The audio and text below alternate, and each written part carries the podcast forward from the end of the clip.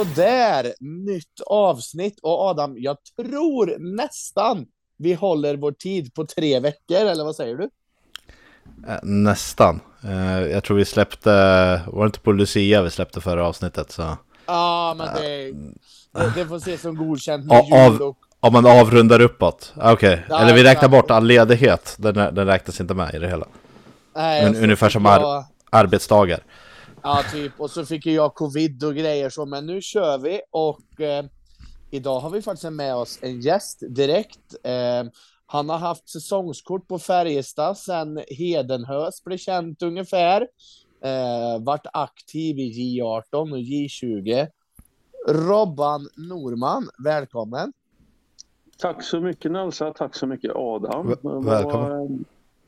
Det var en överraskning förut när man var nere i ishallen i Kil på grabbens eh, hockeyträning och det ringer och så ser man Nelsa. Vill du vara med i en podd ikväll? Man tackar inte nej direkt, det gör man inte. Nej, och nu är du här. Ja, trevligt. Då får vi börja och presentera dig lite. Ja, Robert Norman, 40 eh, plus från Kil. Född och uppvuxen, hade väl 10 år i Karlstad i exil innan jag och frugan och våra två små valde att flytta tillbaka. Eh, jobbar på den heliga brädgården som det heter i Kil. Gör jag. Eh, stort Färjestad-intresse som Nelsa sa, säsongskort sedan hallen byggdes kan man säga. Sen man gjorde om den i alla fall. Innan dess så var det väl många, många matcher i alla fall som man... Jag tror jag gjorde min första slut 80-talet. Så att eh, ja. det har blivit mycket Färjestad genom åren, det har det gjort. Ja, det har det ju blivit. Men du har ju också varit aktiv som jag sa där i i J18 och J20. Vad gjorde du då? Eh, jag började med J18 07 08. Då hade jag två säsonger där jag eh, fick ett intresse och började skriva för eh, svenska fans och skrev då lite grann om hur det gick för juniorlagen men eh, de fick nys om det där så de började snabbt att ta kontakt med mig så eh, det slutade med att jag jag hjälpte dem helt enkelt att skriva på deras hemsida. Men då, då följer du dem ganska aktivt på plats och så också eller? Ja, jag var ju, tittade ju på varje match eh, på hemmaplan och då var det ju också som så att när bortamatcherna var spelade så ringde jag ju till oftast tränaren då efter matcherna och, och kolla hur det hade gått och lite kommentarer, vilka spelare som kanske hade varit framgångsrika just den matchen. Matchfattas fanns ju på Svihockey och sånt, så det skrev jag ja därifrån. Då, men just lite kommentarer och sånt. Och sen var det lite annat, lite fotboll i två år där under en period eh, som tränare innan Jörgen Kalitski vackert en dag mötte upp mig på ICA Wallinders i Karlstad och frågade om jag kunde tänka mig att hoppa på J20-tåget då när Färjestad började med J20 igen 2011. Då. Och det vart en fyra, fem år till. Hoppade mm. även in som kommentator ibland då på det som heter Live Arena. En, en sväng där då för Färjestads J20. Det var, en, det var en kul erfarenhet och lite roligt att pröva på. Så att, eh, det finns väl några idag som spelar i A-laget som man mötte upp redan då som unga killar när de kom till Färjestad och kanske på hockeygym eller värvades till J20 då. Så att, eh, ja, det finns lite, lite goda minnen, det gör det. Följer du bara A-laget idag eller följer du juniorerna också fortfarande eller? Nej, idag är det A-laget. Eh, det blev ju lite så när ens egna barn fick liksom aktiviteterna. Då var det ju att välja och deras aktiviteter och, och fortfarande ha säsongskort och J20, J18 och sånt där som man följde. Det, då fick man välja bort någon och då var det ju J18 och J20. Visst, jag kanske kollar lite resultat och man kanske hör lite snack och så där ibland men eh, jag ser inga matcher på platser eller så längre. Det gör jag inte. Utan det är A-laget som jag håller mig till nu. Men eh, är det, är det någon liksom som har gått hela vägen till NHL som du har följt? Alltså jag tänker typ Klefbom, Brodin, Mackan Johansson och de här. Stämmer. Det, Mackan var ju på J18 då när jag, när jag började. Och han har ju den 90-kullen då med. Du hade ju även då Magnus Nygren och Tömmernes och Grundel och de här killarna som var med då. De, de var ju på J18 då, de två första åren. Sen eh, jag började med J20 då, det är det ju som jag säger med de sista grabbarna som jag hade, det var ju Asplund och Eriksson Ek till exempel. Och sen har mm. du ju då innan som du säger då själv, det med Brodin och Klebom. Eh, sen blir det ju också en sån grej liksom när man satt där nere med när, när J20 spelade hemma då satt jag ju tillsammans med de andra nere i spikerbåset för det var ju bra uppkoppling och så där nere då. Mm. Och det, tittar man på många av de här namnen som är födda från kanske ja, säg 92, 93, 94, 95 några 96, 97 så jag menar det är, det är många namn som man känner igen som man har sett och även i andra lagen och sådär så att det, det, är ju Vissa är ju lite kul att hålla koll på så är det ju helt klart. Va? Mm. Men, men det, det, det, här är också en intressant diskussion, för du nämner ju 90-kullen. Oerhört många som tog sig till ja, men SHL, NHL och den biten. Så har du 93-kullen som mm. kanske var, i mitt tycke, då, ännu värre med liksom toppspelare. Och sen har du 97-kullen med Asplund och Joel. Ja, ja. Det, eh, men alltså vil, vilken kull anser du är bäst? Är det 90 eller 93? 90-talisterna såklart. 90, de som födda 90 är bäst. Ska, ska, man, ska man se det så, till exempel om du ser till individuellt, då, så är det ju Mackan i 90-kullen som nådde längst och så tittar man på 93-kullen då, då har du ju två NHL-spelare där. Men tittar du även på 93, du har Linus Fröberg, du har Nygård till exempel där.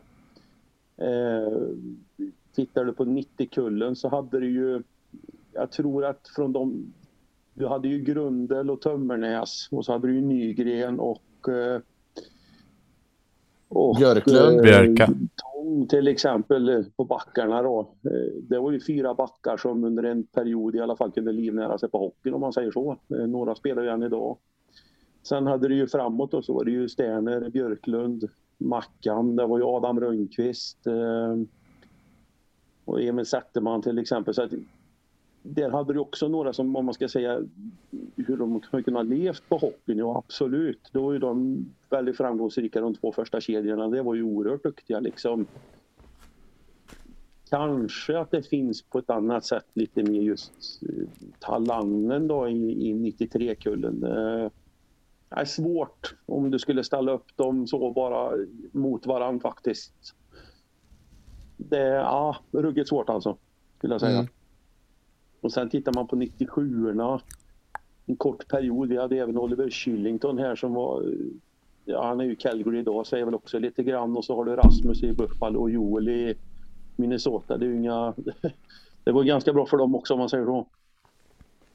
Ja, det gör det ju. Men det är, det är just sett till antalet jag tänker på. Ja, då är det nog 90 skulle jag nog säga.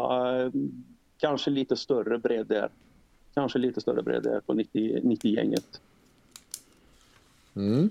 Ja, eh, det, det, är alltid roligt att höra någon som liksom haft inblick i juniorsidan under många, jo. många år alltså, och har följt dem som du säger då, du känner igen många namn. Oh ja, oh ja. Men eh, om vi ska glida över till vårt kära A-lag här nu då. Eh, vad, vad, vad säger vi om senaste månaden? Adam, ska du börja där eller? Ja, till att börja med, det, det är väl, hur ska man sammanfatta? Att det har varit extremt tunga skador på fel personer, men att vi ändå har lyckats ta poäng tack vare att det har varit så stabilt grundspel. Eh, vi, har, vi är uppe i åtta raka matcher som vi faktiskt har tagit poäng. Och det här är samtidigt som vi har haft ett stort manfall utöver Vikstrand och Eh, Westin som har varit i princip hela, eller som har varit hela säsongen så har vi även haft borta nu senast då Ejdsell, Låsa, Björka och Linus. Så det är tunga, rutinerade spelare som varit borta. Så det är, ja, det är imponerande. Det har mycket, stort bortfall, men eh, det har kämpats på. Men de, de två senaste matcherna egentligen mot Luleå och eh, HV71 så känner jag väl att eh, ja, det har varit en hel del flyt och eh, om, om vi tidigare spelar bra så har det ju varit kämpigt deluxe de här två senaste matcherna. Men vi har ändå lyckats få med poäng. Ja, ja vad säger du då Robban senaste månaden? Ja, men alltså, det är ju bara att instämma i mycket. Att man har tagit poäng åtta matcher i rad det är ju det, det, det är en bedrift i sig sett till förutsättningarna som de har. Eh, Sen kan ju vilket lag som helst som har mycket skador gå in och vinna en eller två matcher men ofta så brukar det ju någonstans komma en reaktion. Och ska man se spelmässigt på isen så visst finns det ju en grundtrygghet och nu har vi ju faktiskt haft skador på, på sådana som spelar framåt i laget. Vi har ju klarat oss ganska så bra på backsidan nu sen Lennström kom tillbaka, att vi inte har fått någon anfall där och det tror jag kan vara en orsak till att vi har kunnat rulla på 6-7 backar ändå som har varit de samma 6-7 och det tror jag är ganska viktigt. Hade vi kanske haft ett par backskador, eh, kanske inte utöver, men i det här också, då tror jag att det kanske hade varit ännu tuffare. Ehm, sen ser man ju spelmässigt nu vissa matcher, det är inte bra. Men att man, att man kan komma tillbaka som man har gjort mot Oskarshamn och Örebro och, och de här matcherna som har varit och även Luleå om man kniper en pinne. Så vet vi att det finns ju klass framåt. Så det ska, vi, det, det ska vi ju inte vara oroliga för men rent spelmässigt sett så har det inte varit bra. Jag tror också att om man tittar liksom på, på små situationer så tittar man på det där målet som HV71 gör eh, fram till 2-1 här i senaste matchen. August Thornberg får pucken bakom förlängd mållinje. Axel Bergqvist står helt öppen, helt ensam i den andra i det andra sarghörnet och det är bara för Thornberg som dessutom är högerfattad och skickar pucken vidare. Men jag tror att där har du typiskt en sån grej som kan bli när det kommer till en mental trötthet. Jag tror inte att det är ett slarv utan jag tror att det är ett mentalt slut till slut hos vissa spelare. Därav kommer sådana misstag och det ser vi ju att det har ju varit på alla i laget sådana misstag som gör att motståndarna faktiskt har gjort mål på. Jag tror du är inne på mycket där just att eh, med forward som har varit borta och inte backar att det har ju blivit att, det är därför vi kanske haft en liten stabilitet ändå bakåt, eh, men att vi kanske inte riktigt har kommit till det här bra spelet i anfallet istället. Och de här som, eh, alla Ejdsell, Låsa, Linus, Björka, det är ju ändå smarta spelare som liksom kan vinna pucken och bygga uppåt så att säga och köra fast pucken i offensiv zon med mera. Eh, och det har väl blivit då att då har vi inte lyckats vinna tillbaka puckarna på samma sätt. Men vi har i alla fall haft backarna som har gjort att eh, de har fått köra på sitt och vi har inte kanske gjort de här stora. Vi har gjort tabbar i defensiven men inte de här stora. Eh, Nej men lite så blir det ju. Det är ju samtidigt också det här man pratar ju med kontinuitet till exempel. Och det, tar man till exempel, det har varit en forwards in där och sen han skadad och så är det förslitning, då blir de borta en vecka. Och, jag menar, man pratar ju om också när man spelar hockey, det här med tajmingen. Och det är klart att det ställer ut het för backarna i sig också, liksom när ska pucken slås? Eh, det, är klart att det finns mycket sånt som blir fel och de påverkas ju också, men jag håller, jag håller med liksom just med, med, med stabiliteten i grunden, men jag tycker också se mig på vissa ställen att eh, de här två sista matcherna, det är nog tomt i tanken både i kropp och knopp så att säga. Ja, för, och även om du nämnde Tornberg där då som, eh, men det är ju samma sak, de som faktiskt är kvar på forwardsidan och eh, när man delvis har rullat på tre kedjor eh, mm. i stora delar av matcherna. Nygård, en sån allround-spelare som får matchas i alla situationer, går ju hårdare och hårdare tillsammans med många andra. Och det är såklart att till slut så, det finns väl en anledning till att de under träningen i måndags bara var väl 8-10 spelare på plan liksom. Ja, det stämmer. De var åtta, ja precis, och, och båda målvakterna var med. Um, men, men jag tänker också, nu flikar jag in här om det ni snackar om, alltså det, det vi glömmer bort, det, eller det ni snackar om också, det är ju att det är så många borta nu. Kolla på vad vi ställer upp med. Ska vi förväntas vara bättre än det vi har varit med tanke på det vi har ställt upp med? Nej men det är väl det vi var inne på att man Det har varit nästan till bragdartat att ändå ta poäng i åtta matcher Trots det laget man har ställt upp med Ja, och, och, och det, jag tror ju också som ni säger, det är ju grundspelet att vi är trygga i det. Det går att luta sig tillbaka emot. Jag, jag tror att mycket...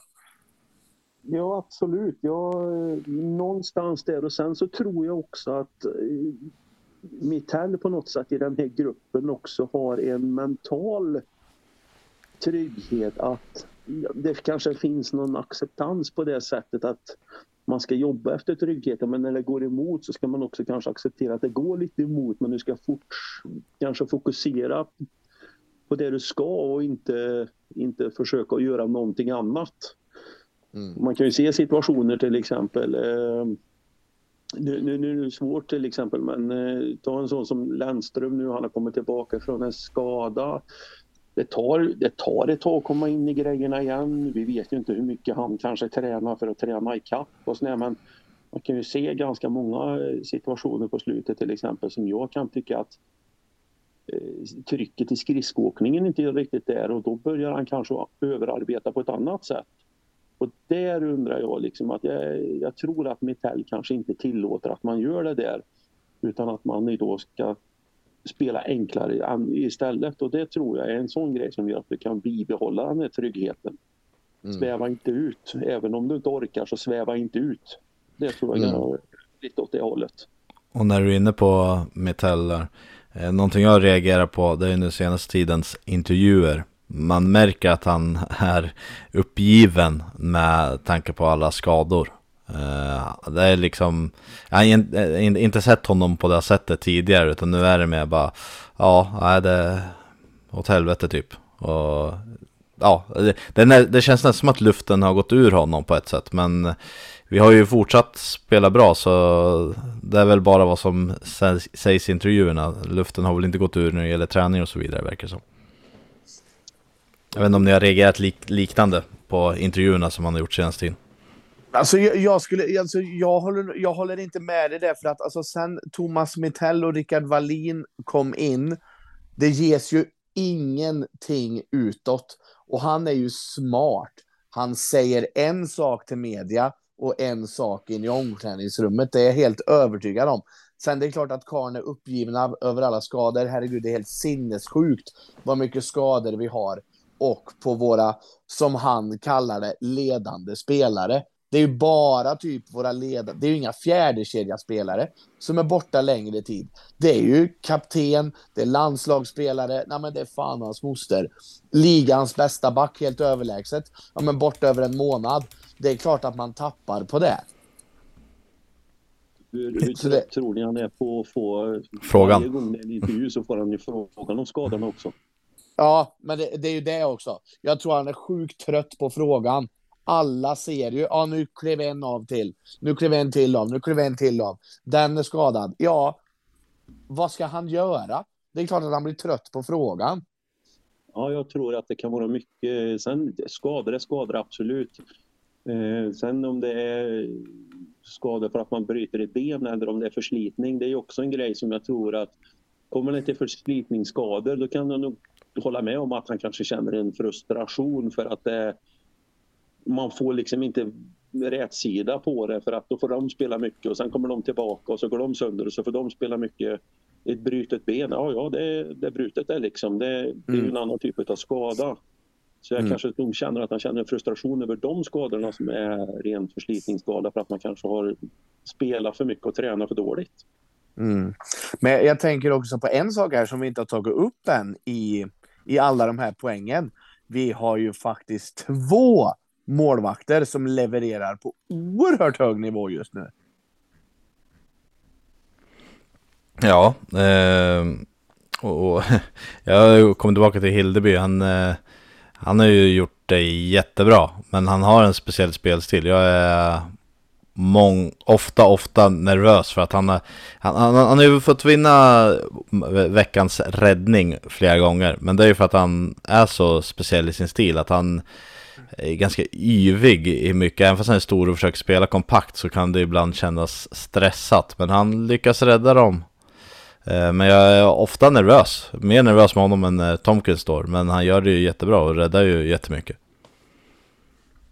Ja, de har gjort det. Alltså, jag, jag, är ju ingen, alltså, jag är ingen fan av målvakter egentligen. Eh, jag har jättesvårt för målvakter överlag. Ehm, men, men det är klart att de har gjort det bra. Sen har jag varit lite allergisk mot det här med att man har spelat två matcher och så är det nästa som ska spela en match och så är det två matcher och en match och två matcher och en match. jag är ju lite emot det där. Men, men det är bara på det stora hela så har ju båda målvakterna gjort det faktiskt väldigt bra under en, en ganska lång period. För jag menar, det är ju inte så att man... Visst, nu släppte man ju fem emot Luleå då, en match som såg ut som den gjorde då, men det är ju inte så att vi under en längre period heller har släppt in jättemycket mål. Så att någonting Nej. är det som är bra i det. Vi ligger faktiskt, eh, om vi ser till hela ligan så ligger vi tvåa i total räddningsprocent. Det är bara Växjö som har bättre än Färjestad. Ja, det, det är bra siffror, det är inget att, att säga om. Och ska man dessutom då ta beaktning i spelet som har varit på slutet, att det kanske inte har varit superbra, så är det ju, det är ju det är bara att lyfta på hatten, det är ett bra jobb. Punkt slut liksom. Mm. Jo, men det är det. Eh, kommande här nu då? Vad, vad tror vi? Det är Brynäs på torsdag. Skellefteå lördag hemma. Va, va, vad ska vi förvänta oss av de här två nu då?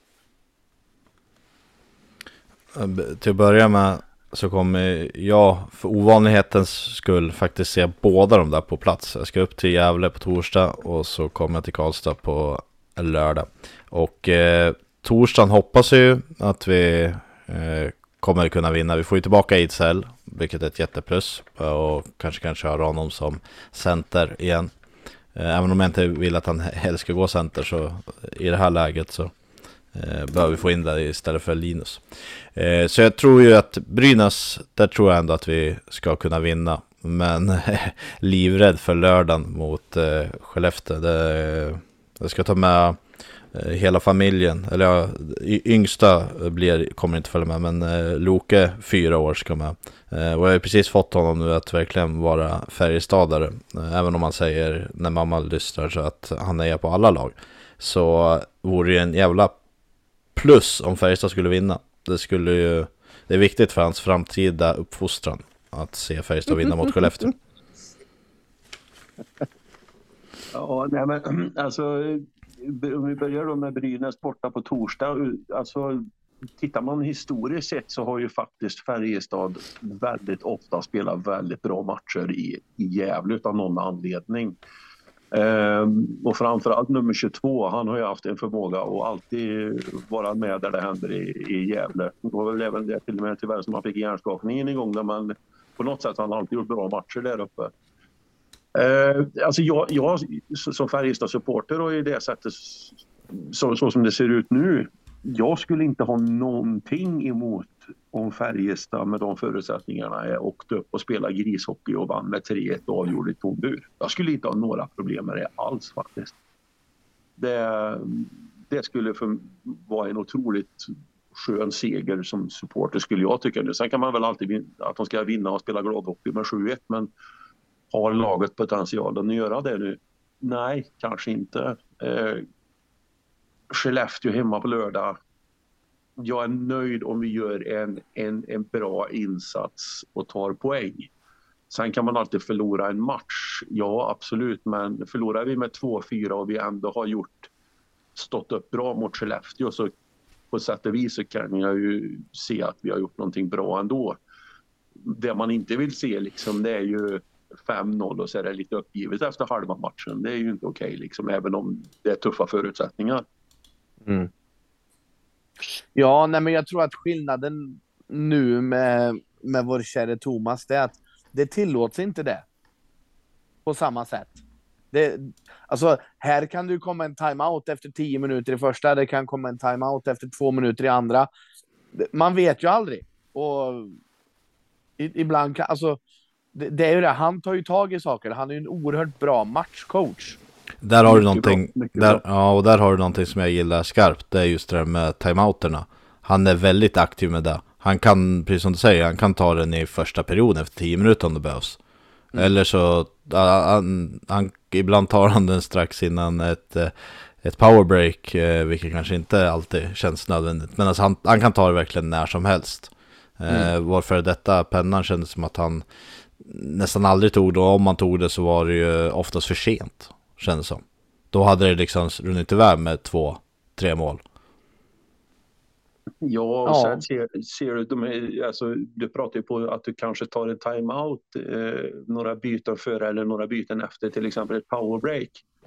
Eh, det, det, är ju det som för mig också är en matchcoach för att du kanske är i den situationen, vi säger oavsett om du ligger under med 3-1 eller att du leder med 3-1 och så tar du den där timeouten och sett till de förutsättningarna som Färjestad haft eh, så är det ju också det att det handlar om att kanske vila de bästa spelarna för att du kanske har gått runt på 3-5 då får du ett break, eh, du får vila de bästa spelarna, sen kanske går två, tre byten och så kommer det då ett powerbreak eller en, en timeout som har följt ett powerbreak som gör att de kanske får vila ännu mer.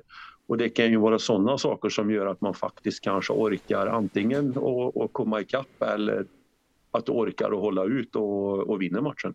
Ja, nej och just det, du sa ju precis vid, vid ledningar också. Eh, om jag drar parallell återigen till innan, det är ju, om man leder med 3-1, eh, Mittell är inte rädd för att ta en timeout då. Han, Nej, men eh, pennan, han hade väntat tills det kanske blev kvitterat och då tog timeouten.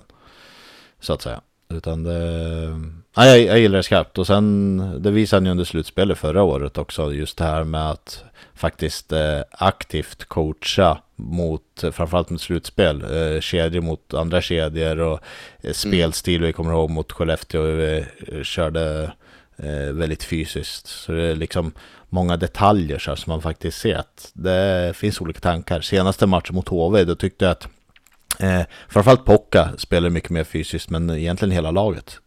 Eh, så mm. det kändes också som att det var en ganska tydlig instruktion under den matchen att eh, vi måste köra mer fysiskt nu. Mm. Ja, det är väl också ett sätt att de förutsättningarna som var liksom med så många borta. Det är ju återigen förutsättningar, förutsättningar blir tjatigt men det är ju det det handlar om. Att du kan inte spela gladhockey. Okej, okay, då får vi spela på dem ja, på det sättet som det går helt enkelt. Och det är ju, kan man spela hockey på fler än ett sätt så är det oerhört värdefullt. Ja, men det är det. Han, han, spelar ju hela tiden efter resurser känns det som. Och där ja. har vi det. det. är ju en matchcoach. Det är en jättebra matchcoach. Ja, jag tycker det. Du pratade om Pennerborn förut. För mig, för mig går de två inte att jämföra. Det är som natt och dag. Det är som eh, ett lag på den nedre halvan i österrikiska ligan och topplag i SHL. Det är den mm. skillnaden. Mm. Ja, nej men, och det, det, är väl lite där de ligger också. Ja. Men apropå tränare, eh, det här har ju varit lite min hjärtefråga egentligen hela säsongen. Eh, tre av fyra tränares kontrakt skulle ju gå ut efter det här året.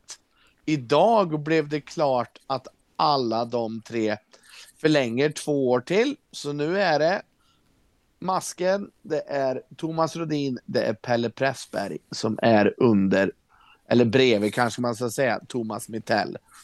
Eh, kommentarer på det? Robban, du kan få börja. Ja, eh, spännande. Jag tycker att eh, det, det, det, är någonting i det här som kittlar. Sen eh, på en post är jag kanske lite förvånad. Jag ska inte säga att jag har emot någonting av att masken fortsätter två år till. Jag är ändå lite förvånad faktiskt. Han har ändå varit här i, vad blir det nu, åtta år tror jag. Och det är ganska lång tid. Eh, just för om man skulle nu ha sett någon förändring, föryngring eller någonting sånt där. Men samtidigt så målvaktstränare är ju inte någonting som kanske växer på träd jättemycket så. Ehm, men jag, jag, jag, jag gillar det här ändå. Ehm, för jag tror att Mitell har ju naturligtvis självklart haft väldigt mycket i det här och sagt till om och eh, det är någonting i det här som gör att det, det är lite kittlande ändå för att jag tycker ehm, hur långt kan det här faktiskt bära? Att de får, eh, få bygga vidare på det som de har startat. Och det är ja, kittlande. Det är, jag har svårt att sätta något annat ord på det men eh, ja, jag gillar det här eh, med Pelle och Toto att de får två år till och lite nyfiken på eh, någon kan gräva fram hur de har utvecklats under Metalls ledning. Vi får försöka få med någon av dem i podden kanske. Ja, just de här frågorna liksom skillnaden till exempel. Hur, hur gjorde du under Pennerborn? Hur gjorde du under Metall? även om du har samma roll som kanske backcoach, powerplaycoach, forwardscoach och allt vad man nu kan kalla det liksom så tror jag nog ändå att det har hänt någonting i deras eh, arbetssätt jämfört med tidigare och det är en fråga som jag är väldigt nyfiken på. Mm. Det är ju det är ju guldcoacher så att säga. Det är ju faktiskt eh, hela den kvartetten är ju de som tog guldet nu senast. Så på, ur, den, ur det perspektivet så är det ju jättepositivt att kunna fortsätta. Eh, om man lyckades vinna guld på att vara sammansvetsat i bara några månader så vad blir det nu kommande den här säsongen och kommande säsonger då när man får fortsätta arbeta precis som du säger på det man har startat. Eh, det som är lite förvånande egentligen det är just att man hade kunnat trott att eh, Mittell kanske hade haft någon i, i bakfickan som man väldigt gärna hade velat arbeta med eller liknande. Eh, på det sättet hade jag ju kunnat tänka mig eller tro att det skulle bli någon justering. En eller två. Eh, så, men eh, det, det är positivt som sagt, i summan i alla fall med tanke på guldet. Eh, sen är jag också lite inne på masken där. Det har ju varit lite så här, beroende på hur man ser det, hur mycket har hur mycket har det lyfts och utvecklats när det gäller målvakterna? Men som du säger, eh, han, eh, det finns inte så jättemånga målvaktscoacher. Eh, det är väl om Erik Granqvist skulle vilja komma och börja igen så hade man gärna velat ha honom. Eh, men i övrigt så är det ju väldigt få man vet så här på rak arm. Och eh, sen har ju han en, det är inte bara målvaktssidan han kör, utan han gör ju under matcherna, sitter och tittar på situationen med, från läktaren och har sin direktkontakt med ja, absolut, Toto absolut. i båset, som han också mm. gör, utöver målvakterna så att säga. Ja, men alltså, och, och jag, jag tänker, jag, jag, är inne på samma spår som ni är där också.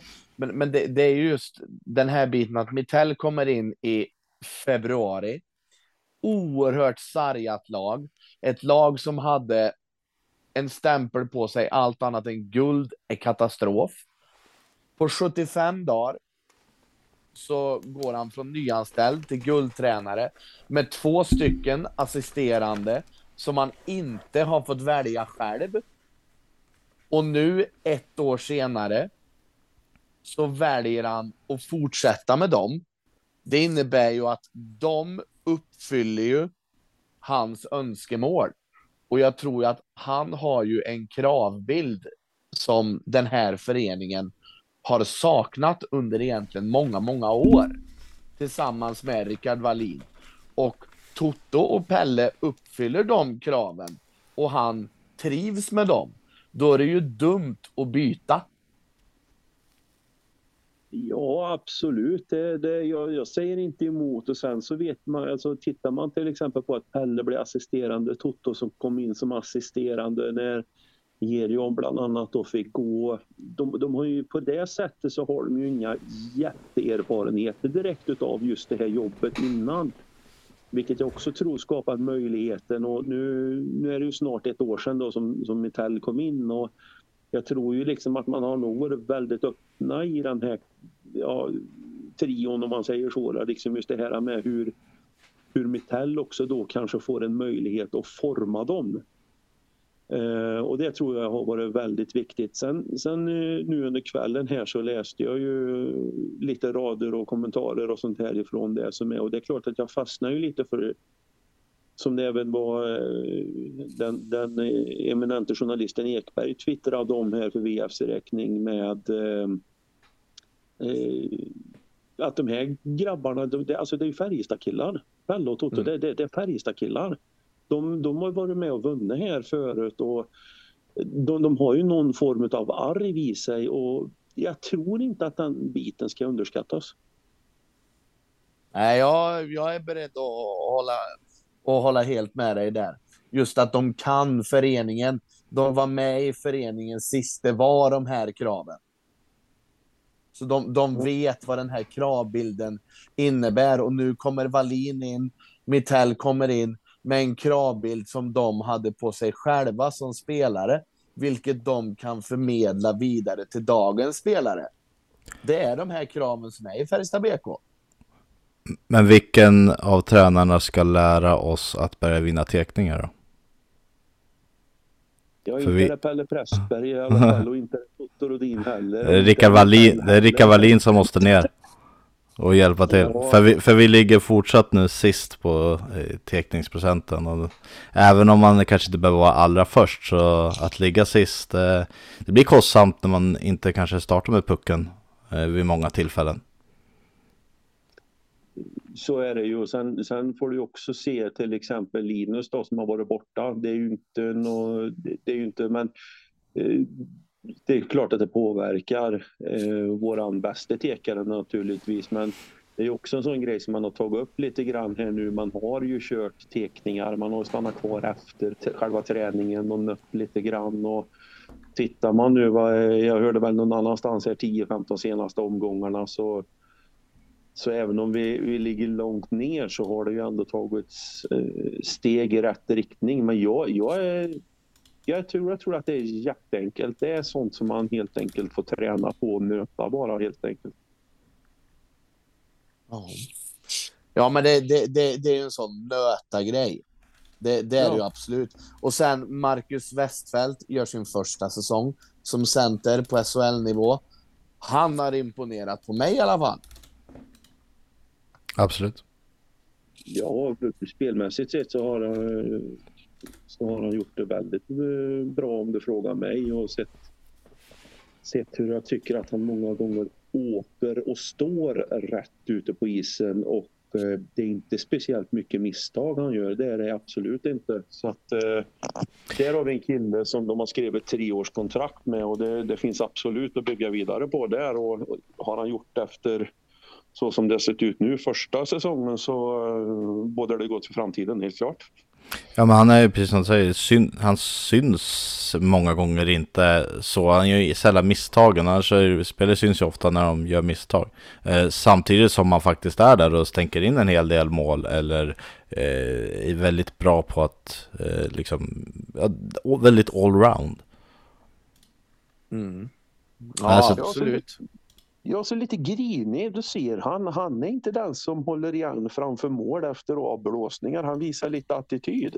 Han Ja, visar ja. saker för motståndarna så att kommer det en tjuvsmäll eller någonting sånt där så han åker dit och markerar att det är inte okej och ja, han kan tjafsa lite grann och sådär och det ja, då blir det ett leende på mina läppar i alla fall när man ser att man står upp lite grann. Det gillar jag. Vi måste väl ha, eh, visst tusan pratade vi om det när vi hade honom med i podden här. Eller vad sa vi? Ehm, för, Jo, men det gjorde vi. Just Ja. den, här, den här treårsplanen. Första året, ja men ta lite kliv. Andra året, ta kliv upp i kedjorna. Tredje året, ja men då är det dags liksom. Då, då ska kronan upp på huvudet liksom. Det är då han ska vara som bäst det tredje året. Ja.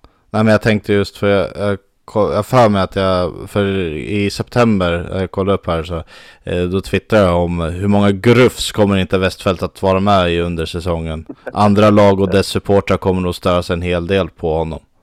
Eh, och det är precis det du in, var inne på där, att eh, han är ju, det är väldigt många, om det är någon som är framför mål och de håller på och egentligen vill slå ner så har det ju varit Westfält många gånger i, när vi är i offensiv zon. Mm. Ja men så är det. Eh, Adam, du hade lite frågor va? Eh, Ja, vi har fått in en del frågor lite på eh, Twitter och har även fått eh, separat på mail. Så eh, jag kan börja med den här, båda ni som är mycket på plats i Löfbergs. Eh, då vill de, det, det var, kom, kom faktiskt under matchen i eh, lördags. Eh, kan, en som heter Linus här. Kan vi snälla adressera problemen med att det vrålas filmare i tid och otid? Det sker dessvärre oftare och oftare i vår arena och det är genant. Senast idag när Nygård fick 2 plus 2 efter ett tydligt blodvite. Man måste få ha känslor och heja på sitt lag, men denna grottmänniska-mentalitet har gått för långt. Man ska ha passion och inte hat. Mer sportslighet, tack. Är det mycket, eh, rålas mycket filmare i arenan? Eh, Nej, jag tycker inte det gör det. Alltså, det är ju framförallt då mot Kinnemin som är erkänd filmare. Sen är det ju tyvärr så Eh, hockeyn har fått in väldigt mycket filmningar. Det är väldigt många som lägger sig lätt. Även spelare i vårat lag, gud förbjude, har ju fått böter för filmningar. Så det, och det är någonting som hockeypubliken inte är van med. Vi vill inte se filmningar i hockey. Det ska vara schysst, det ska vara tungt. Sen, nej men just det med hat, jag håller inte med. Alltså, hockey är känslor, hockey är passion. Vi har våra rivaler. De tycker vi inte om och det ska de få veta. För det är samma sak när man åker runt om i landet. Folk tycker inte om Färjestad och jag älskar det.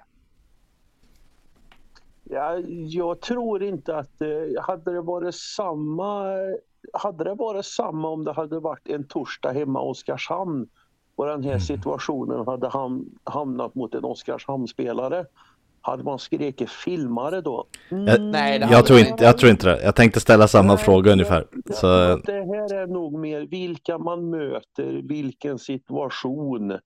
Jag tror att det är mer det. Jag tror, visst det kanske finns någon person som sticker ut. Vi vet att det var ju Jämtin kanske för en tio år sedan och nu är det liksom Kinnemin och och, och sådana saker. Men jag, jag, tror alltså det här är nog lite för att, att håna de som står uppe i hörnet på, på långsidan och som inte hejar på det laget vi hejar på.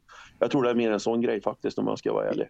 Ja, för det är också icke att förglömma just det här med rivaler. HV är en av våra största rivaler. Jag personligen, jag avskyr HV. Passa på, avsky... passa på att njuta av rivaliteten den här säsongen. För ja, nästa säsong är de tillbaka i Allsvenskan. Ja, nej men det är så. Jag avskyr HV, jag avskyr Djurgården. Det finns inget bättre än att vinna mot de lagen. Gärna tight som fan och att man avgör på slutet. Sen är det underbart när man vinner stort också. Men just det här att få håna motståndaren. För det är rivaler. Så är det bara. Sen hade det varit mot, som ni säger, Oskarshamn, Växjö. Nej men, so what? Det är liksom så här. Men det är just det när det är rivalmötena. Mm. Jag kör, kör en ny då, eh, från David Heberg. Man sak, han skriver så här. Man saknar ju videon från Segra förra säsongen. FBK har dödat sociala medier efter match oavsett. Eh, vad säger ni? Förra säsongen så la man ju ut eh, från omklädningsrummet vid segrar. Det var ju Viva la España som spelades. Eh, är det någonting vi saknar? Eller kommentarer kring det? Eh, jag tror att det har att göra med den nya inställningen i föreningen att man ger inte saker utåt och jag tycker om det. Varför ska vi se vad som händer i omklädningsrummet efteråt? Vi får intervjuer av Stefan Eriksson från omklädningsrummet ibland eller från eh, mediarummet. Det räcker där. Vi behöver inte se allt vad som händer där inne. Eh, ja, det är klart att jag kan sakna det lite grann eh, så sett. Sen vet ju inte jag om det var någonting som påverkade det här med man hade väl något låtval och så var det någon som, och Region Värmland klagade väl och någon skickade insändare och klagade. Jag vet inte om det kan ha påverkat men visst kan jag sakna det lite grann eh, sådär men samtidigt så tittar man på det i fjol så var det ju, ja men vi var i Spanien liksom varje gång och så det, det, det, finns egentligen inte så jättemycket att filma heller. Liksom, Stefan gör det fantastiskt liksom. Och, men det blir också mycket samma. Man filmar runt med kameran, de klappar, sjunger. Jaha, sen vinner man nästa match, samma sak. Man filmar runt med kameran, klappar, sjunger. Och efter 20 gånger så vet du exakt vad som händer. Så jag, jag mm. Ja, jag vet inte. Det, lite kul kan det väl vara någon gång ibland men, men jag kan inte nej, det är nog ingenting som jag kanske tänker på så jätte, jättemycket. Yes. Uh, vi kör den här då. Den här passar er också ganska bra som är på plats och har säsongskort. Eh, bortafans i säsongskortsbaren. Hur är det ens möjligt? Varför finns det ens en säsongskortsbar när ölen är lika dyr som i Riverside? Nämn någon fördel att gå in där förutom att masken kommer och tölar. Bli medlem, gå på medlemsmötena. Det har varit en evig fråga. Just det här med att det är motståndare i säsongskortsbaren. Det är att det är mycket företag som har säsongskort på den sidan.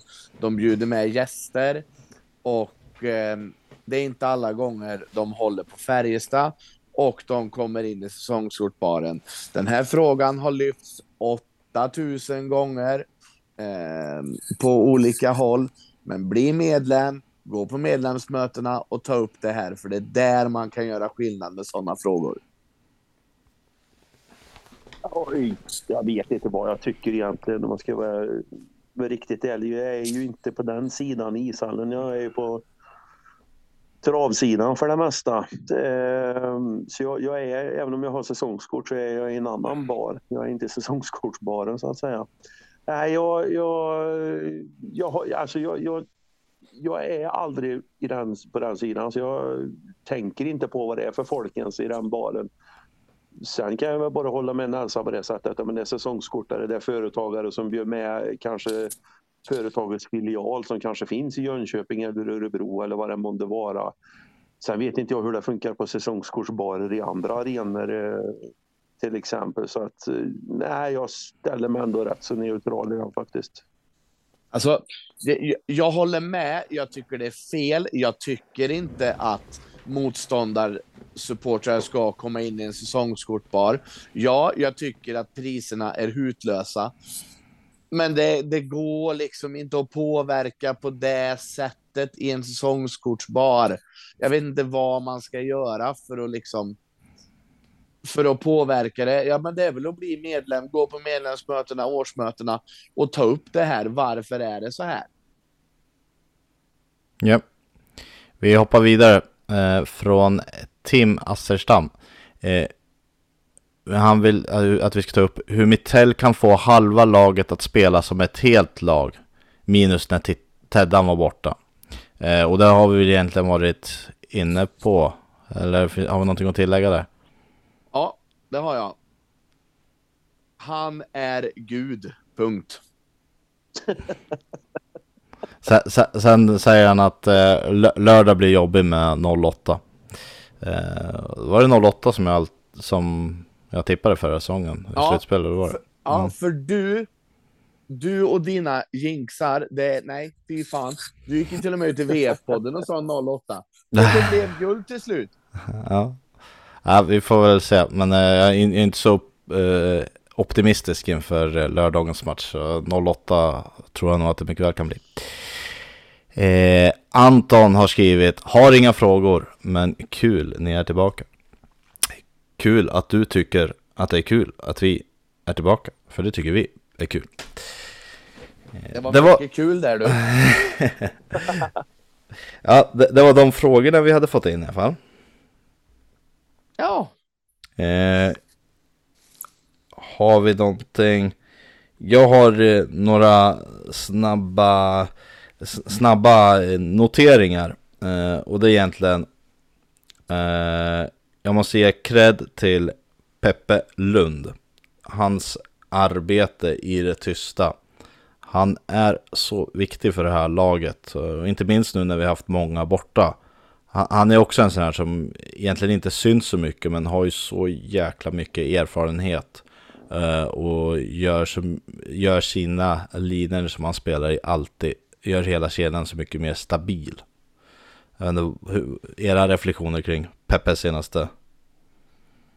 Uh, grejen var ju, alltså jag skulle faktiskt vilja backa till för ett år sedan. Uh, nu, nu år sedan och några veckor när Peppe Lund kom till Färjestad så eh, var ju jag en som sa yes. Och så såg man ju att vad ska vi med han till eh, 30-plussare som gjorde en poäng i Tyskland. Jag kan säga att Peppe Lund ger 110 procent varenda träning. Han kanske inte ska spela center men han är så laglojal och tar den för laget och gör det. Han ger alltid allt. Och det spelar ingen roll om man spelar tio matcher på rad i en fjärde kedja eller om han får en, en, en match i en första kedja.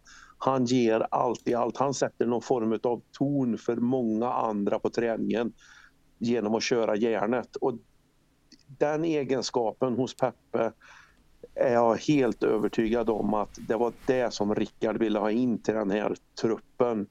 Och äh, jag, jag, även när Peppe var här de här fyra första åren i Färjestad innan han försvann till Djurgården och Linköping alltihopa det här. Han är en liten personlig favorit eh, för mig. Han behöver inte göra mål men det är på sättet som han agerar så jag är en, en liten Peppe-supporter det är jag absolut. Ja, och... nej, men jag, in, jag instämmer allt du säger där Robban. När gjorde han senast ett dåligt byte egentligen? Nej, han är ingen stjärna. Han är en fjärde spelare och han är så äckligt stabil och han ger alltid allt. Ja, han har ju räknat man in slutspel så han är snart uppe i 700 SHL-matcher. Så det är jäkla mycket rutin där. Helt klart. Och, eh, men vad säger ni om det här då? Han fyller 35 i juni. Så när, när nästa säsong startar är han 35 år. Förlänga eller inte förlänga? Ett år i taget säger jag. Instämmer. Ja, jag är inne på samma. Eh, så det blev inte så mycket diskussion där.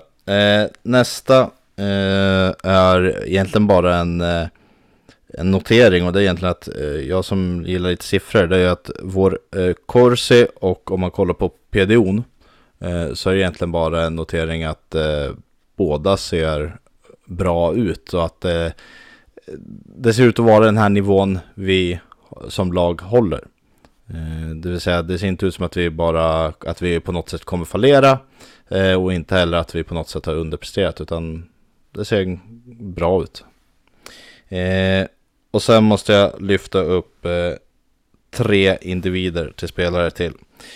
Först Lillis som i det tysta i skymundan ligger sexa i poängligan och leder därmed också assistligan ligan tillsammans med Jonathan Pudas. Och, så har vi Jon, eh, Theodor Lennström då som nu efter han är tillbaka har presterat totalt då 24 poäng på 22 matcher, snitt över en poäng per match som back. Och sist Remy Ellie som eh, går från klarhet till klarhet. Eh, och inför nästa säsong så är det ju, vi har Rydal och Delaros som potentiella förvärv på centersidan samtidigt som eh, Marcus Johansson finns där bakom. Förhoppningarna, eftersom det går, säsong efter säsong går utan att han kommer hem så kanske inte förhoppningar ligger så att han kanske kommer hem. Men han finns där. Och samtidigt då Remielli. Eh, hur ska vi göra med Remielli? Jag vet vad jag tycker, men jag frågar. Eh, jag säger så här. Eh, Mackan Johanssons chans, mig personligen, den har gått här nu. Han är 34 år nästa år.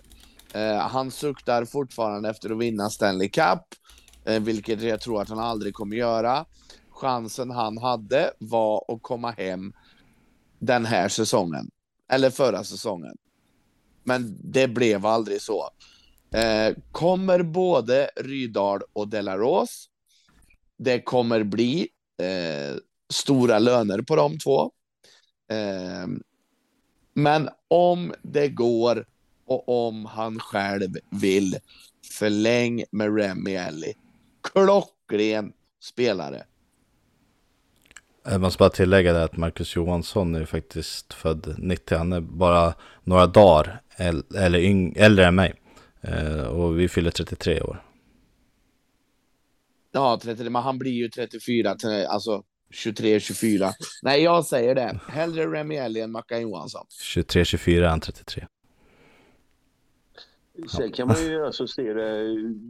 Jag, jag, fick ju lite information här för ett tag sedan. Eh, och det, det är inform, sånt som sträcker sig lite tillbaka här tidigare under säsongen så var det ju någon som frågade Fråga liksom eh, vem, vem är, så, så, de som har koll på de här siffrorna, vem är Färjestad borde kanske varit mer upphyllad än, än, man kanske är för tillfället. Och det här är alltså tidigare under hösten och då, då var ju svaret Remy Ellie. Så är det ju faktiskt. Det på de som har tillgång till sån statistik. Det, och, men, men alltså när det kommer till Remieli så tror jag ju mycket att det handlar ju om att eh, kanske mer komma in i det här med spelet och läsa eh, stor rink och alltihopa det här. Att saker och ting kanske börjar och, och sätta sig. Sen har han ju också under en längre tid spelat med Åslund och Nygård och tittar man på Nygård som kanske hade en ganska tung november, eh, till exempel början december där och sen så hände det ju någonting med, med Nygård och man börjar få tillbaka lite, apropå det här med förslitningsskador och alltihopa det här, så börjar han trampa igång och, och Remi har ju absolut ryckts med i det. Det ska ju inte frånta hans insats för jag tycker att han har varit riktigt, riktigt bra. Vi ska ju komma ihåg, då vi pratar Rydal och Delarås. det är klart att det är två eh, stora löneposter. Eh, vad är det som säger att Remielli måste, om han ska vara kvar, att han ska vara center? Han kanske kan gå som forward. Det kittlar mig lite grann faktiskt. Men det är ju de här lönebitarna som, som eh, som, som, som håller, eh, håller i de grejerna beroende på hur, hur det kommer att bli. Sen han säger att han vill tillbaka till NHL. Ja, absolut. Nu ser man också vad han börjar göra i SHL. Vi pratade till Larås och Rydal. Vad känner han för det då? Schweiz, vad händer där nere? Ja, jag, jag, tror att det kan bli... Ska man ha in Rydal och Delaros då tror jag rent att det kan bli tufft faktiskt. Men eh, jag skulle inte ha någonting emot det, absolut inte. Ja, och det är där jag är inne också att eh, ska han vara kvar så eh, att han ska kunna gå på en vinge. men sen är det som sagt Remielli om han stannar kvar, han har presterat bra och presterar bara bättre och bättre. Vad kommer det finnas för löneanspråk? Kommer det bli en antingen som du säger Schweiz eller NHL som han då vill tillbaka till? Eller kommer han kanske, det kanske blir en sån här att han åker utanför landet och ansluter i november eller när det blir för att kunna gå in på ett artistkontrakt. Men men jag har svårt att se honom som en av centrarna, helt klart. Eh, ja, sen... Om Delaros och Rydahl kommer tillbaka så har jag mm. svårt att se någon som enda centrarna. Så är det. Skulle, det bara, skulle vi bara få Rydahl eller bara få Delaros? Absolut skulle jag kunna säga då till att ha, eh, ha kvar. Men eh, det, det är lönebiten, jag är helt övertygad om det. Fördelen med Rydahl och Delaros är väl att vi kan ha en liten, liten eh, hemmarabatt kanske lönemässigt förhoppningsvis. Men det täcker ju kanske inte upp eh, eller om han vill ha. Och sen vet man inte vad han själv tycker. Man har inte riktigt eh, läst någon intervju om eh, kring eller med honom om vad han känner och tänker nu. Det är ju mest innan säsongen då att han hade som sikte, det var ett år, sikte på att ta sig tillbaka till NHL. Mm. Eh, men hur känner han nu? Mm. Nej, men då, och sen är det också så här med, med Rydal och Delaros. Skri kommer de hem så gissar jag att man skriver långa kontrakt. Sen är det också så här, Linus Johansson skrev fyra år, men med klausuler efter två. Och de börjar kicka igång nu efter den här säsongen. Tror ni han stannar? Jag ja. tror han stannar. Tror och hoppas. Jag tror han Lennström som är... Ja. Robban sa jag också tror jag. Ja, jag, jag, ja. På, eh, på, det, på, på den så sa jag ja, absolut. Ja. Eh, Lennström då? Stannar 100 procent. Ja, det, det är ju det. Man, det är så, jag tror NHL känns inte aktuellt om jag ska vara ärlig. Det, det, då skulle det vara om man fick ett envägskontrakt. Jag tror inte han åker över för ett tvåvägskontrakt. Uh, det är också det med Schweiz och såna grejer och sen vet ju inte jag hur hans familjesituation är för tillfället. Jag har noll koll på om jag ska vara riktigt ärlig. Han har en ehm. sambo som är från USA som har sin dotter med hit. Ja. Eller nej, hon är från Kanada. Ja, nej jag vet, jag vet inte. Jag, den, den kanske är mer, jag tror det är mer större, större chans att eh, Lennström kanske flyttar än Linus. Ehm, det, det, det, tror jag nog. Ehm. Men, jag, jag, jag, jag, tror och hoppas. att han lämnar. och jag tror och hoppas att han eh, kommer vara kvar en säsong efter att Färjestad ändå var med och hjälpte till att lösa ut honom från eh, KL-kontraktet där. Att, eh, gör det till en eh, mycket högre tröskel också att faktiskt lämna då när det har blivit fixat. Absolut, absolut. Så, kan det ju, så kan det vara. Jag skulle faktiskt vilja backa lite grann där till, till Remy Elli till exempel. Och så ska man se, vi pratar ju det här med forward kontra center. Eh, vi vet ju inte, och det, det är ju lite tråkigt att säga det här, men vi vet ju väldigt lite om Björklund nästa år. Han har ingen stor lönepost, men han är en forward. Eh, Viksten sitter på en ganska så stor lönepost, forward. Vi har Linkan som vi vet sitter på en också hyfsad lönepost, inte gigantisk men hyfsad lönepost. Men som har klausuler och då är det också frågan det här hur ser då Linkan på att kanske åka till mm. Schweiz? Hur bra SHL-säsong har han gjort? Hur stort kontrakt kan han få? Eller ser han det som att han vill väljer oavsett att åka för att det kanske är sista chansen? Och då kan det också bli så att om man lägger ihop många bäckar små här så kan man också se att just Remi Eller, och nu är de andra högerskyttar allihopa tre, men, men, men det kan också, man ska, man, tittar man lite brett så också så kanske också det är lite intressant just för om man ser som Remi Eller på en forward faktiskt. Mm, och eh, Linkan, han förlängde faktiskt sitt kontrakt och eh, högst troligtvis så har han ju gått ner i lön jämfört med det han skrev tidigare med tanke på att han inte har superpresterat när han skrev det här kontraktet. Nej, så, eh, så, så där har vi nog redan sparat in en del. Han har ju fortfarande klausulerna i det och det, ja, han kanske får ett litet halvdant kontrakt i Schweiz men som ändå är mycket bättre än det han har hemma. Och efter en, vi ska inte säga kass säsong för det är det ju långt ifrån men, men vi kanske, kanske inte säger att det är en riktigt bra Linkan-säsong så ser han det som sista chansen och drar. Ja, då frigörs det ju pengar där också. Mm. Ja, men så, så. Ja, jag tror att eh, Remielli kan bli både forward och center nästa år. Ja. Uh, sen vi poddade senast så har det ju hänt lite i truppen också som jag känner att vi måste ta upp. Uh, vi har ju uh, låtit Karl Jakobsson lämna för Finland. Där han har gjort 2 plus 3 på 8 matcher. 5 poäng på 8 matcher. Har vi någon saknad av honom eller hur är känslan? Nej, det där behövdes göras eh, för hans vidare utveckling i karriären. Han stod still här, han kom inte längre. Vem är det vi pratar om? Karl Jakobsson. Jakobsson. Vem? ja, nej, nej, han var han var rätt osynlig. Han hade ju något bra där på försäsongen om jag minns med eh, typ 17 stolpskott i en och samma match. Eh, vem vet, hade någon gått in där så kanske självförtroendet och så hade det blivit en helt annan. Men eh, som man ser på poängen i fall ser det ut som att han har fått den nytändning han faktiskt behöver.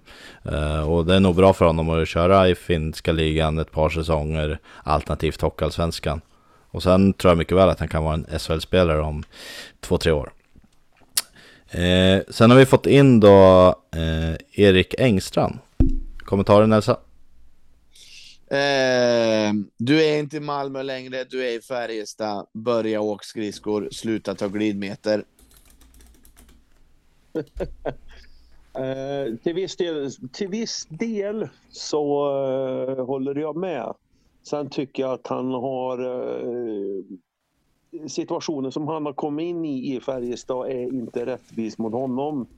Eh, tycker att han, eh, man såg vissa små eh, moment i matcherna som var i mellandagarna där som det finns lite grann att, att, att ta utav. Eh, sen tycker jag att han har nog blivit väldigt påverkad utav att han kanske nu tvingas göra någonting som han inte ska med tanke på alla de skador som är. Åka skridskor menar du? Nej, men eh, vilken roll han kanske får spela i, i ett sätt som, på ett sätt som han kanske inte ska. Och det ena matchen spelar med dem, andra matchen spelar med dem.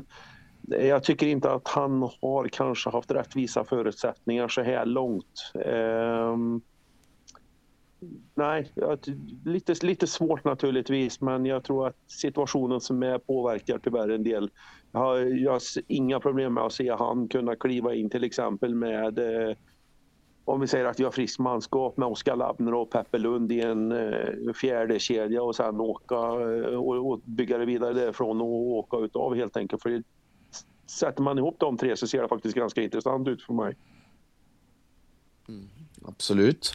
Eh. Han är född 00 ska vi inte glömma, så han är ju bara ett år eh, äldre än Oskar Lavner till exempel. Lika gammal som Westfält. Ja. Ja, men och jag tänker också just det här nyförvärv. Marknaden är ju jättetunn. Men ska vi värva mer bredd? Eller ska vi vänta om det kommer spets? Det är spets vi behöver skulle jag säga. Alltså tittar vi forwardsmässigt om, om eh, när alla är friska så ser jag inga problem. Det som jag kan tycka blir är ju... Jag skulle ju inte ha någonting emot att ha in en, eh, en del Aros-typ. Alltså det, det, det är lite den som saknas för mig. Sen, ja, skulle också kunna tänka mig faktiskt, det här är ju, låter kanske lite dumt men jag skulle faktiskt kunna tänka mig en riktigt bra spelande back. För att jag tycker att det kan bli med Max, med Göransson, med Tornberg, med Pocka. Det kanske är lite för eh, enkelt ibland. Där. Jag skulle vilja se lite kanske mer kreativitet på backsidan och lite mer alert passningsspel där jag tycker egentligen kanske bara att Lennström är den som vi har som har det här alerta passningsspelet i sig. Um, skulle jag nog inte ha någonting emot att få in. Uh, tittar vi på forwardsidan så vi har forward som kan producera och vi producerar i Färjestad. Vi hade en period här när vi inte kunde göra fler än tre mål men vi vann ändå matcher. Uh, forwardsmässigt sett så är jag inte så jätte men en del av råstyp på centern skulle faktiskt inte skada. Du säger alltså spets? Ja, kanske inte spets som delar ås, men klass som delar ås. Mm. Men spets på backen? Ja, spelande back, lite mera rapphet i passningarna. Ja. Du hör Rickard Wallin, det är bara att värva. Nej, och jag ser ju, om det ska värvas så är jag inne på som jag egentligen, jag tror jag nämnde innan vi pratade inför säsongen. Det är en center jag skulle vilja se. Uh, och ja, en Delaros typ behöver inte vara helt fel, men egentligen en center för att jag ser ju helst Ejdsell på en kant. Men även uh, om det är så, så skulle vi råka ut för en skada på Eh, en av våra centra under slutspelet så känns det som att det direkt kommer bli ganska rejält försvagat. Eh, så då känns det bättre att kunna gå in med Linus Johansson, Ellie och en till som center. Och sen kan Ejdsell då hoppa in och vikariera på valfri centerposition om det skulle vara att någon eh, blir skadad. Så det är väl där jag känner att behovet känns. För jag har fortfarande förhoppning om att på backsidan då att vi kan få in Micke Wikstrand som ett, eh, ett nyförvärv. Ja, vi får väl se vad som händer där. Ja, eh, och så får vi hoppas med Björka där att allt blir bra. Till att börja med det, eh, det vardagliga livet, men gärna får han komma tillbaka till hockeyplanen också för eh, vi var, var på honom lite tidigare och satan, han var ju riktigt jäkla bra. Han var nog tillsammans med Westfält så alltså, 11 poäng på 12 matcher. Alltså det var bang for the buck där kan man ju säga.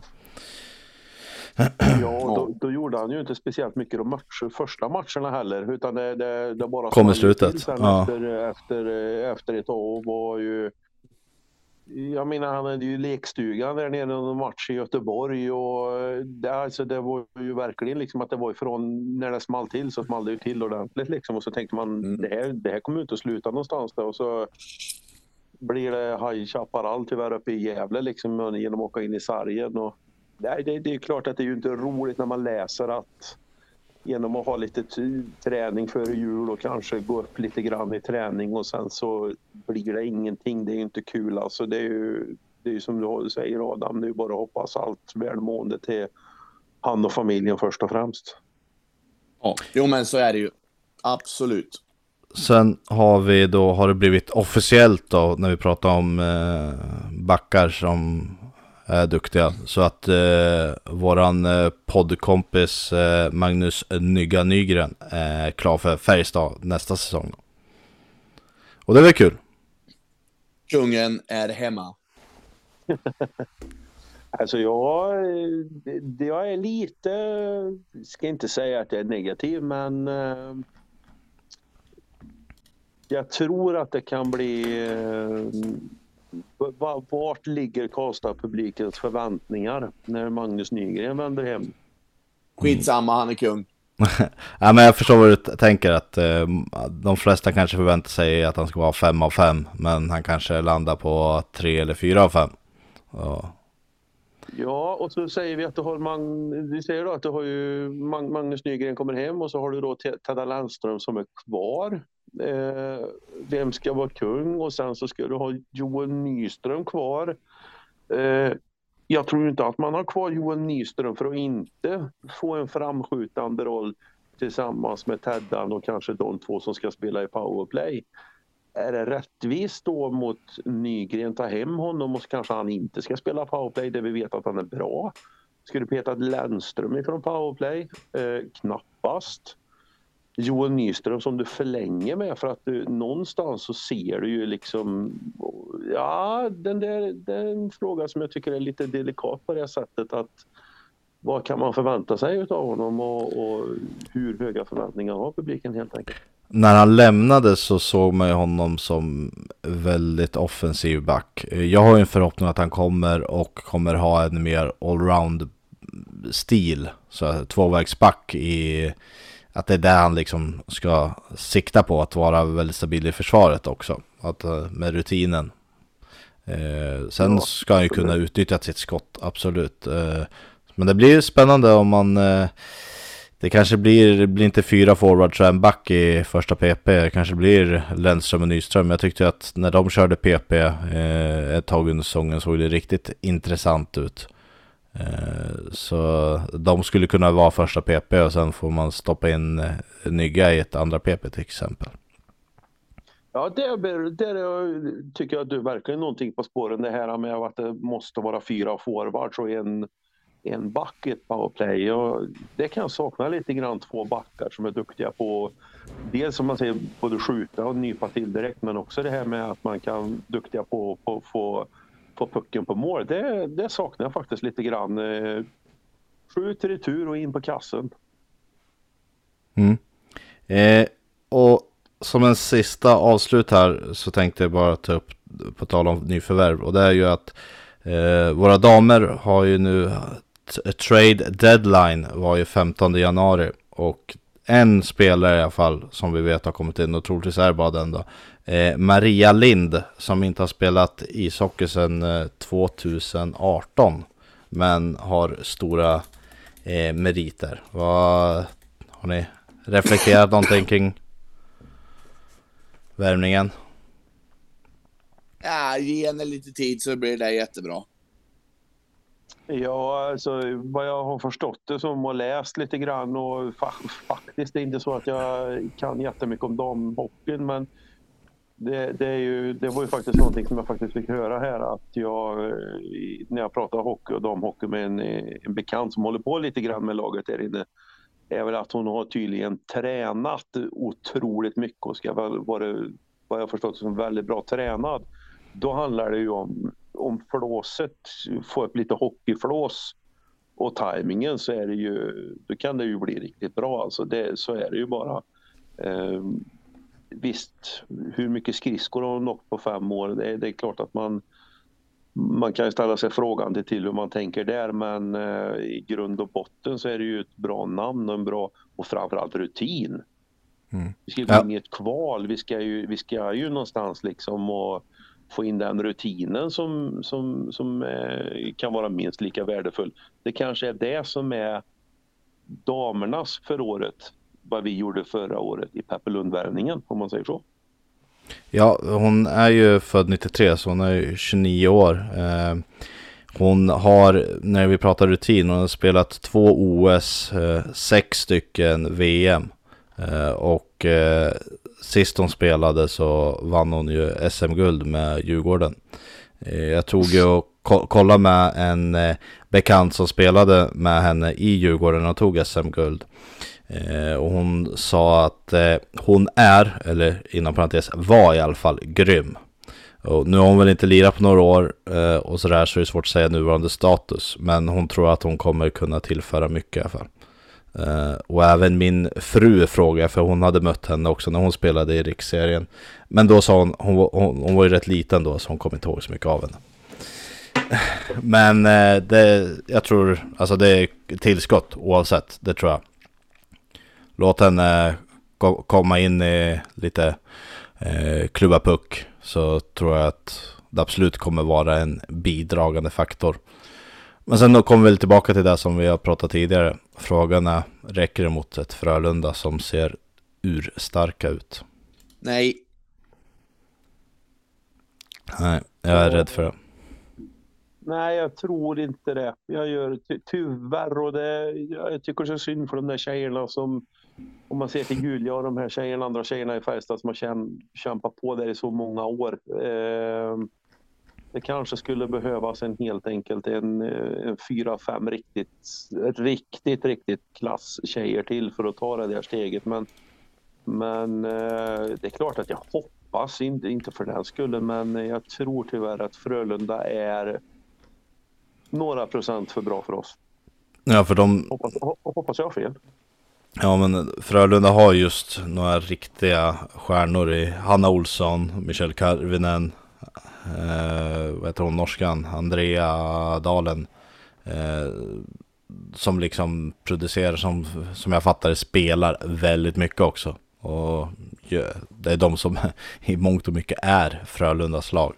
Eh, tyvärr är det ju så att de är så extremt bra så att det gör ju jättestor skillnad. Eh, nu, nu, nu törs inte jag, för jag är lite för dåligt insatt så då, men klassen då på de, på de lagarna som de möter i den serien, om vi pratar kanske ett, en bra femma, två bra femmor och alltihopa det här. Har Färjestad ett lagbygge som, som kanske rent utav skulle kunna göra en, en som Färjestad gjorde i slutspelet, spela speciella tjejer? Har de den klassen på två, tre backar, eh, fyra, fem forwards som kanske kan neutralisera de här en aning. Jag skulle ju säga att eh, spontant eh, så har ju Färjestad i alla fall ett, eh, ett, ett bredare lag i alla fall. Har en eh, spets som går ut över flera kedjor. Färjestad spelar inte en kedja 80% av tiden. Så Sen om de har just de spelarna som liksom kan göra en eh, Jakob Delaros. Eh, det har jag också tyvärr. Jag vet inte om du Nelsa har någon har sett någon som kan göra en Delaros? Nej, det har jag inte. Så, nej men det, det såklart. Eh, med rätt coachning och så vidare. Ingenting omöjligt, det är det som är så underbart med sport. Allt kan menar, vi, vi säger att Frölunda då kanske vinner varje match med, vi säger att de kanske vinner varje match med 6-0. Kan ja, de vinner typ med 21. ja, men kan man, kan man ändå hitta någonting som kan störa det här liksom, det, om du har en så otroligt producerande kedja? Eh, och, och, sätta lite griller i huvudet samtidigt då som du kanske har en större bredd. Ja, då kan det ju gå vägen. Sen är ju, det, det är ju sport vi pratar om. Ehm, men, men jag, rent generellt sett när man tittar på tabellen, när man tittar på resultat så ehm, jag tror att det blir lite, lite för tufft. Tyvärr. Jag, det är synd om tjejerna som har hållit på så länge i Färjestad och kämpat för det här. Ja, synd. Hade det varit förra säsongen så hade ju chanserna varit bra mycket högre om man hade haft det här laget. För man har ju värrat på fint i, till Färjestad. Så det, men vi, hoppet har inte övergett oss och vi får hoppas att det går bra nu när de går in i nästa, i den här NDHL, eh, nästa steg så att säga. Bra. Eh, det var egentligen det som jag hade i alla fall noterat. Ja, har vi, har vi någonting att tillägga? Nej. Robban, någonting du vill? Det är fantastiskt kul att få, jag menar det som jag sa, det blir ju otroligt roligt nu förut när Nelsa ringde oss och ställde frågan och, och snacka hockey tackar man ju inte nej till liksom. Och det, man är ju själv, man är ju annars en lyssnare utav, utav rang utav de här poddarna som finns. Så att det, det är kul att kunna vara med ibland och, och tjata hockey och jag är jättetacksam. Vi är tacksamma att du ville ställa upp och vara med och ge lite extra dynamik i det här avsnittet. Absolut, tack så mycket. Ja, nej, men då säger vi godnatt då gubbar och så hörs vi. Ja, och så spör vi Skellefteå på lördag. Nej men jag förlorar Ja. med 08.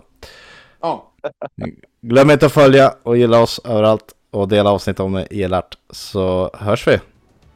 ha det gött! Tack, Ha det. hej. Hej!